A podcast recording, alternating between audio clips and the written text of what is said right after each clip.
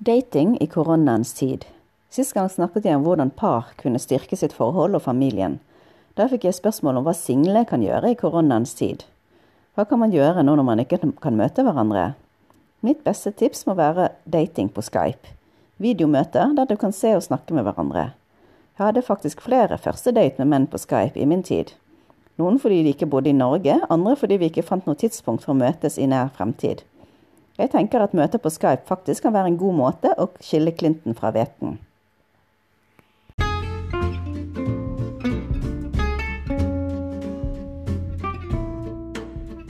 Denne podkasten handler om kjærlighet. Å finne den og utvikle den og få den til å vare. Mitt navn er Win Lam. Jeg ser på meg selv som en utforsker i kjærlighetens kronglete irrganger. Jeg har vært gift, jeg har vært skilt og datet i årevis før jeg fant mannen i mitt liv.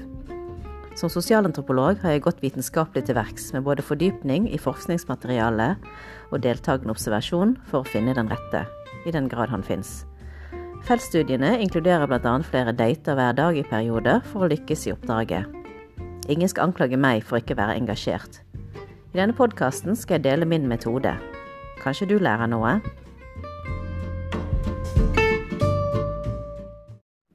I denne episoden skal jeg beskrive steg for steg hvordan man kan starte en datingkarriere på nettet.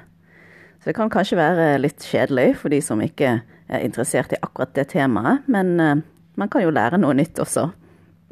Ok, Så det første steget er hvordan du kan lage en idiotsikker internettdatingprofil. Det første steget er selvfølgelig å lage en god profil. For profil må jo være ganske god. Og jeg er jo ikke akkurat en veldig vakker dame, så jeg tenkte at eh, ja, vi må jo bare gjøre det beste ut av det man har. Så det viktigste er at man finner et bilde som representerer deg sjøl. Altså et bilde som sier noe om deg. Ikke nødvendigvis der du er penest, men som sier noe. F.eks. hvis du liker å lese, ta et bilde av deg og bøker. Hvis du liker å jogge, ta et bilde der du løper. Hvis du ikke vil at menn skal bare ha deg for sex, bør du definitivt ikke ha et bilde der du viser kløft. Jeg fikk et tips fra en mann jeg møtte på internett, at jeg kunne lage en profil på en side som heter Hot or Not. Man kan legge ut bilder der man får stemmer for bildene. Ved å bruke det programmet kan man se hva slags bilder som menn syns er fine, og noen ganger er det ikke de bildene du tror er fine, som får mange stemmer. Så da fikk jeg jo tenkt godt gjennom hvilke bilder som kan være attraktive, for det er ofte bilder som sier mye om deg sjøl, ikke de mest glansede bildene. Og i forbindelse med å lage en god profil, så er det veldig viktig å skrive noe som sier noe om deg. Noen skriver nesten ikke noe i det hele tatt. Jeg mener en grundig profil viser at man er seriøs. Skriv slik som du snakker, det gir et inntrykk av hvordan du er som person. Det er ikke alltid så lett å finne de rette ordene, men se på det som et jobbintervju. Det er fint med øvelse å si litt om seg selv. Det er uansett noe du må gjøre når du møter nye mennesker. Du må være bevisst hvordan du fremstiller deg selv. Alle mennesker har mange dimensjoner. En person kan være både seriøs og leken, men det kan variere også fra dag til dag. Noen tar livet veldig alvorlig, mens andre tar ting som de kommer. Det grunnleggende synet på livet er viktig, og det er slike ting som kan ødelegge for et forhold i det lange løp. En annen ting jeg syns er viktig, er synet på penger og bruken av penger. Noen bruker penger innenfor det de har råd til, mens andre satser på kredittkort til å betale for sin livsstil. Noen bruker penger på dyre måltid, mens andre vil bruke penger på jaktutstyr. Hvis man har felles økonomi, vil man før eller siden begynne å krangle. Hva er deal-breakers? Vær tydelig. Så det første punktet var å lage en god nettprofil. Punkt to er å være åpen for uventede og utypiske menn. Dette tror jeg er det beste tipset jeg kunne fått da jeg startet på nytt. Mange kvinner mener at de har en type, men spesielt når man er i runde nummer to eller tre eller fire for den saks skyld, må man være åpen for noe nytt. Det er en grunn til at det forrige forholdet ikke gikk. Når man dater etter et langt forhold, er det fint å gå ut med noen som er helt annerledes fra det forrige forholdet. Hvis man har vært i et langt forhold, vet man ikke helt hva man vil ha, så det er lurt å finne ut noen som er helt annerledes enn eksen. Hvis du har en forkjærlighet for siviløkonomer, kan du kanskje gå ut med en grafisk designer eller en elektriker, kanskje til og med en sosionom. Kanskje du tenker at livet er lettere å finne noen uten barn, eller som ikke har små barn. Men jeg tenker at du aldri kan vite hvordan dette vil påvirke forholdet du går inn i. Møt personen og bli kjent med dem. Jeg vet om noen som har ganske store barn, men som er ganske rigide, mens andre som har mindre barn, kan være ganske avslappet. Noen foreldre som er skilte, har veldig dårlig samvittighet og behandler de dagene barna bor hos dem, som helt hellige og urokkelige. Dersom de tenker at 16-åringer sitter og snakker med dem hele tiden når de er hos deg, og ikke klarer å varme opp sin egen mat. Så hvis du går ut noen timer, vil de dø av sult og ensomhet. Andre går til det andre ytterpunktet, der de ikke bryr seg om barna i det hele tatt, og tenker bare på å realisere seg selv og sin kjærlighet. Men hvordan skilte får håndtere barna sine, sier ganske mye om dem som personer. Er de omsorgsfulle? Er de tynget av sin samvittighet? Er de avslappet, men samtidig bryr seg om barna? Har de tillit til barna, eller syr de puter under armene deres? Dette kan være ting som kan være kilder til konflikt i det lange løp, hvis dere har helt forskjellige måter å oppdra barn på. Jeg har en kollega som måtte flytte fra en mann som var helt gal etter henne. Men hun klarte ikke å se på hvordan han skjemte bort sine egne barn mens hun prøvde å lære sine barn å bli selvstendige individer.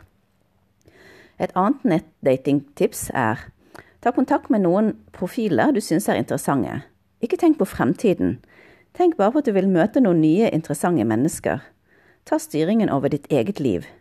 Noen tenker at det er bedre å la menn ta initiativet, for da virker du mer kostbar men i virkeligheten spiller det ingen rolle. Moderne menn liker kvinner som vet hva de vil. Noen vet ikke at de vil det ha det engang, men stol på meg, du vil ikke ha en mann som bare vil ha en underdanig kvinne. Ideen om at kvinner skal sitte og vente på en mann, lever dessverre i beste velgående hos noen, til tross for at mange snakker om likestilling. Punkt tre er å bruke tid på å bli kjent. Nå har du laget en god nettside, og du har uh, møtt noen. Nå må du bruke tid på å bli skikkelig kjent. Det er viktig å møte folk raskt. Nå er det jo korona, så det er ikke så lett, men jeg skal komme med et forslag på slutten av dette punktet. Men det er viktig å skille interesse fra investering. Du kan vise at du er interessert i noen uten at du tenker at det er langsiktig. Og ikke alle forhold er ment for å vare. Det høres kanskje vanskelig ut å holde følelser tilbake, men det er ofte det lureste. Gjennom mange års erfaring har man lært at man ikke kan stole på alle man møter. Ikke fortelle alle hemmeligheter til nye venninner før de fortjener den tilliten. Men noen kvinner åpner hjertet sitt for nye menn som de nettopp har møtt. Etterpå blir de såret fordi de var sikre på at det var kjemi, og at de hadde det så fint der og da. Men det er ikke lurt å åpne hjertet for noen som ikke er interessert i deg. Åpne hjertet for de som har åpnet hjertet sitt for deg, og viser at de bryr seg om deg gjennom handlingene, ikke bare tomme ord eller tomme gester. Hvis de virkelig bryr seg, vil du føle det i omtanken de gir. Det er mange måter å vise omtanke på, og da jeg traff min mann, fikk jeg en gave av ham som jeg syntes var utrolig søt og rørende. Jeg fikk en gave av ham kanskje fjerde eller femte gangen vi traff hverandre. Det var en blå krakk med grønne prikker som var pakket elegant inn i en sølv- og gullpakkeeske. Esken var faktisk dyrere enn krakken. Hva, tenker du kanskje, men det som var spesielt med gaven, var tanken bak. Vi hadde nemlig vært på vår første middagsdate, der han gikk med en håpløs skjorte. Han hadde faktisk på den tiden en haug med håpløse skjorter. Men fordi han var sitt sedvanlige sjarmerende selv, endte vi opp med et godnattkyss på trappen likevel. Han er ikke blant de høyeste av nordmenn, bare rundt 1,80, men jeg er ikke engang 1,60. Da fant vi ut at kyss på trappen var ideelt, siden jeg kunne stå på det første trappetrinnet, og han kunne stå på bakken. Det var der ideen om kakken ble født. Jeg fikk beskjed om å åpne pakken når jeg var alene, så jeg var veldig nysgjerrig hva slags gave dette kunne være. Vi kjente jo nesten ikke hverandre. Da jeg så krakken, ble jeg først veldig forundret, men når jeg snudde den på hodet, fant jeg bruksanvisning. Han hadde nemlig tegnet fyrstikkfigurer med to personer som kysset, der den ene sto på en krakk. Det viste seg at når jeg sto på krakken, var vi like høye. Det var den perfekte gaven, så viste han hadde tenkt på meg, og det er det som teller i et forhold. En annen ting jeg råder dere om, er å passe på tidspunktet for sex. I motsetning til nåtidens normer anbefaler jeg ikke at man har sex så fort som mulig. Jeg er veldig liberal, så jeg har ikke noen moralske skrupler i forhold til sex for første date eller til og med one night stands, men for å få et forhold til å vare, tenker jeg man bør vente litt. Sex burde være noe spesielt, ikke noe man gjør bare fordi det forventes og faktisk er det en fordel å ha noe å glede seg til. Jeg vil referere til Festingers dissonansteorien, der han ser at det vi må jobbe hardt for eller vente lenge på, blir mer verdsatt. Teorien går ut på at vi rasjonaliserer det vi gjør ved å skape en forklaring. Hvis du gjør noe som er veldig kjedelig og ikke får betalt for det, vil det skape en forklaring for deg selv, at det du gjør ikke er så kjedelig. Kanskje det kan føre til at hvis par som har ventet lenge på å ha sex, vil legge godviljen til, nettopp fordi jeg har sett så mye frem til å ha sex at den sexen man har, blir sett på som veldig bra. Uansett om den er bra eller ikke. Det var min vinkling på teorien. Men vente, det tror jeg kan være ganske lurt. Og akkurat nå, med korona, kan man jo ikke heller ikke møte noen nye. Og da vil jeg anbefale å bruke Skype. Jeg har selv hatt dater med folk jeg har møtt på internettdatingsider på Skype. Det er litt rart i starten, men øvelse gjør mester. Og en date mens du sitter hjemme med et glass vin, kan jo være ganske avslappende. Du er jo hjemme, så du kan vise en annen side ved deg selv enn når du er stivpyntet på byen. Det er bare fantasien som setter grenser for hvordan daten kan være. Dere kan jo til og med avtale å se en film på Netflix sammen etter hvert, eller gå en tur mens dere har kamera. Å se noen på et kamera kan være en god innføring, så man trenger ikke å bli tatt på sengen når man faktisk møter dem i det virkelige liv. Man begynner i en helt annen ende. Kanskje du kan se hvordan de bor, og en helt annen side enn det du gjør hvis du møter noen på byen. Kjemien kan selvfølgelig ikke bestemmes virtuelt, det kan være en god start og underholdning at man er hjemme og ensomme. Jeg tenker at man kan møte flere over samme periode også. Så lenge man ikke har lovet seg vekk til noen, kan man ha, få et fint sosialliv med et webkamera. Et tips kan være å lage en egen profil på Skype som bare blir brukt når du møter ukjente mennesker, der du kanskje bare har fornavnet ditt. Jeg pleide heller ikke å gi bort mobilnummeret mitt før jeg møtte noen første gangen. Jeg ville ikke at noen skulle vite hvem jeg var, før jeg hadde truffet dem og vurdert om de var galninger. For det fins jo selvfølgelig. Jeg har hørt en del rare historier, men jeg tror jeg var ganske heldig, for jeg møtte aldri noen som jeg vil vurdere som det. Og eh, hvis man finner tonen, kan jo det også være mulig å ha cybersex. Og med cybersex tenker jeg ikke på dickpics. De menn som tenker at en ukjent penis tenner kvinner, har virkelig misforstått. De fleste kvinner blir ikke tent av å se en penis. Alle er forskjellige, men én ting til felles er at kvinners seksuelle tenning ligger i hodet. Hvis du kan beskrive for henne hva du vil gjøre med henne når du treffer henne på en måte som gjør at hun ser for seg situasjonen, vil du oppnå utrolig mye mer. At en penis går inn og ut, er dessverre ikke så interessant. Men tanken på at noen kysser deg i nakken og mater deg med jordbær, er definitivt mer stimulerende. I alle fall i starten. At boken Fifty Shades of Grey ble populær, viser kanskje at noen kvinner liker at menn tar styringen. Vi er sikre på at Christian Grey aldri sendte Anastasia et bilde av sin penis. Beskriv for kvinnen hva du vil gjøre for å hisse henne opp. Og for kvinner så tenker jeg at det er litt lettere. De fleste menn blir veldig raskt opphisset, spesielt når det er en ny kvinne i bildet. Så din jobb er å holde tilbake. Ikke la han slippe unna med hva som helst. Hvis han slipper unna med hva som helst i starten, så vil han heller ikke anstrenge seg seinere i forholdet. La oss ta et eksempel da, på noen jeg møtte på internett, som jeg eh, bare møtte på eh, Skype. Det var en fyr jeg traff. Han var faktisk veldig hyggelig på en internasjonal datingnettside, og han bodde i Australia. Han var gift, men hadde ikke lenger sex med sin kone, fordi han klarte ikke å få orgasme med henne. Hun var altfor krevende, jeg tror hun skremte han litt. Derfor laget han seg et harem på internett med kvinner han aldri møtte i det virkelige liv. Jeg ble invitert til å være med i dette haremet, og dette innebar at man kjøpte en dildo som han anbefalte, og møtte opp på Skype på en gitt tid. Det var ganske sært. Men jeg er jo ganske nysgjerrig, så gikk med på å møte han sammen med en annen dame. Og til tross for min nysgjerrighet klarte jeg ikke å bli der når de skulle begynne å kle av seg. Det ble for sært for meg. Men det kan jo være morsomt hvis man har slike preferanser. Poenget er at det er ganske uskyldig moro, og man kan treffe hyggelige mennesker også. Punkt fire. Det er å velge smart. Og da vil jeg igjen anbefale heisteorien, som jeg har snakket om så mange ganger. Nå når dere har møtt hverandre, på enten i virkeligheten eller i, på Skype, så er det jo viktig å bestemme seg etter hvert om man vil satse på forholdet. Jeg tenker alle, altså Punkt 1, 2 og 3 er liksom bare en slags bekjentfase. I den fasen så tenker jeg at det er viktig å ikke liksom falle pladask for noen. Jeg har snakket om heisteorien i en tidlig episode, og den handlet om å skille Clinton fra hveten. For etter at du er blitt kjent med en mann eller en dame, kan du anvende heis. Banker hjertet ditt hardere? Gjør det at du får deg til å føle deg bra? Får du en sånn egoboost? Føler du deg inspirert? Er dere seksuelt kompatible? Er følelsene gjensidige? Hvis de fire kriteriene er oppfylt, er det bare til å satse. Hvis ikke, så vil jeg anbefale at du bare går videre. En felle man kan falle i, som jeg også tror jeg falt i noen ganger, det var at du ble veldig smigret av andres interesse av deg.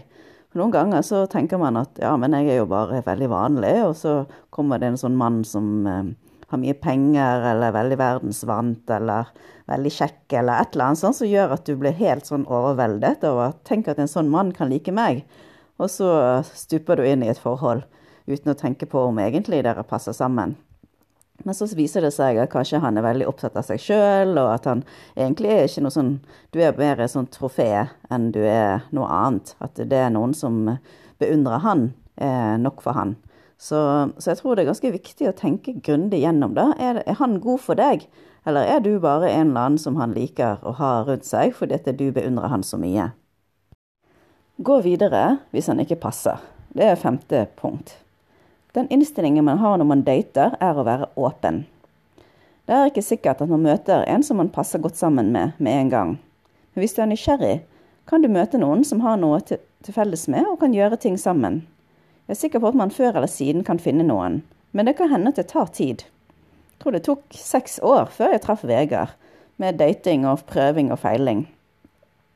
Jeg hadde nok en tendens til å stupe inn i forhold. Var vel aldri uten en slags kjæreste noe mer enn noen få måneder om gangen.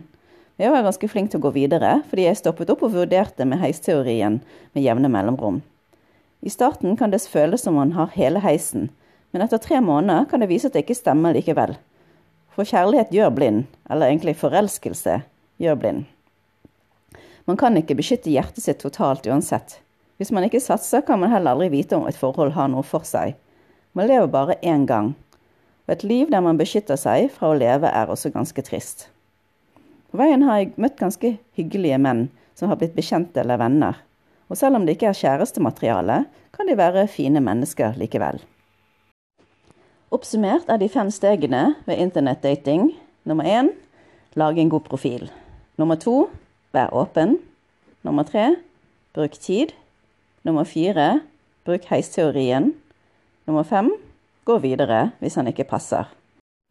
En ulempe med internettdating er selvfølgelig at du kan sende en melding til en profil du syns er veldig spennende, og så svarer de ikke engang. Men der må du bare tenke at de kjenner ikke deg, de har sett profilen din, og de avviser jo ikke egentlig deg som person. Da er det bare til å gå videre. En annen ting med å tenke nytt er at selv om det er en fyr som ser helt annerledes ut enn det du tror du kan bli tiltrukket til, ta kontakt likevel. Noen er jo ikke fotogene, så kanskje de er kjempepene i virkeligheten. Utfordringen her er jo bare å være litt sånn nyskapende og tenke nytt. Og spesielle tips ved dating i koronaens tid er dating på Skype. Det kan virkelig anbefales. Det er ikke så farlig, og det sparer tid og penger. Og hvis man passer sammen, kan man jo prøve cybersex eller telefonsex. Så lenge du tenker gjennom hva som er dine grenser, og vet at noen kan ta opptak hvis du viser for mye og dermed kan utnytte deg, er det bare fantasien som begrenser alt du kan gjøre.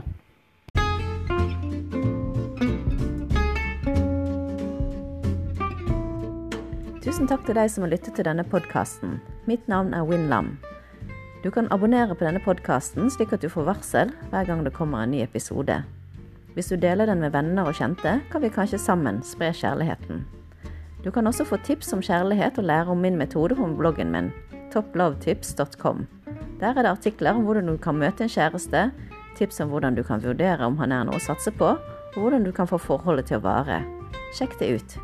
toplovetips.com.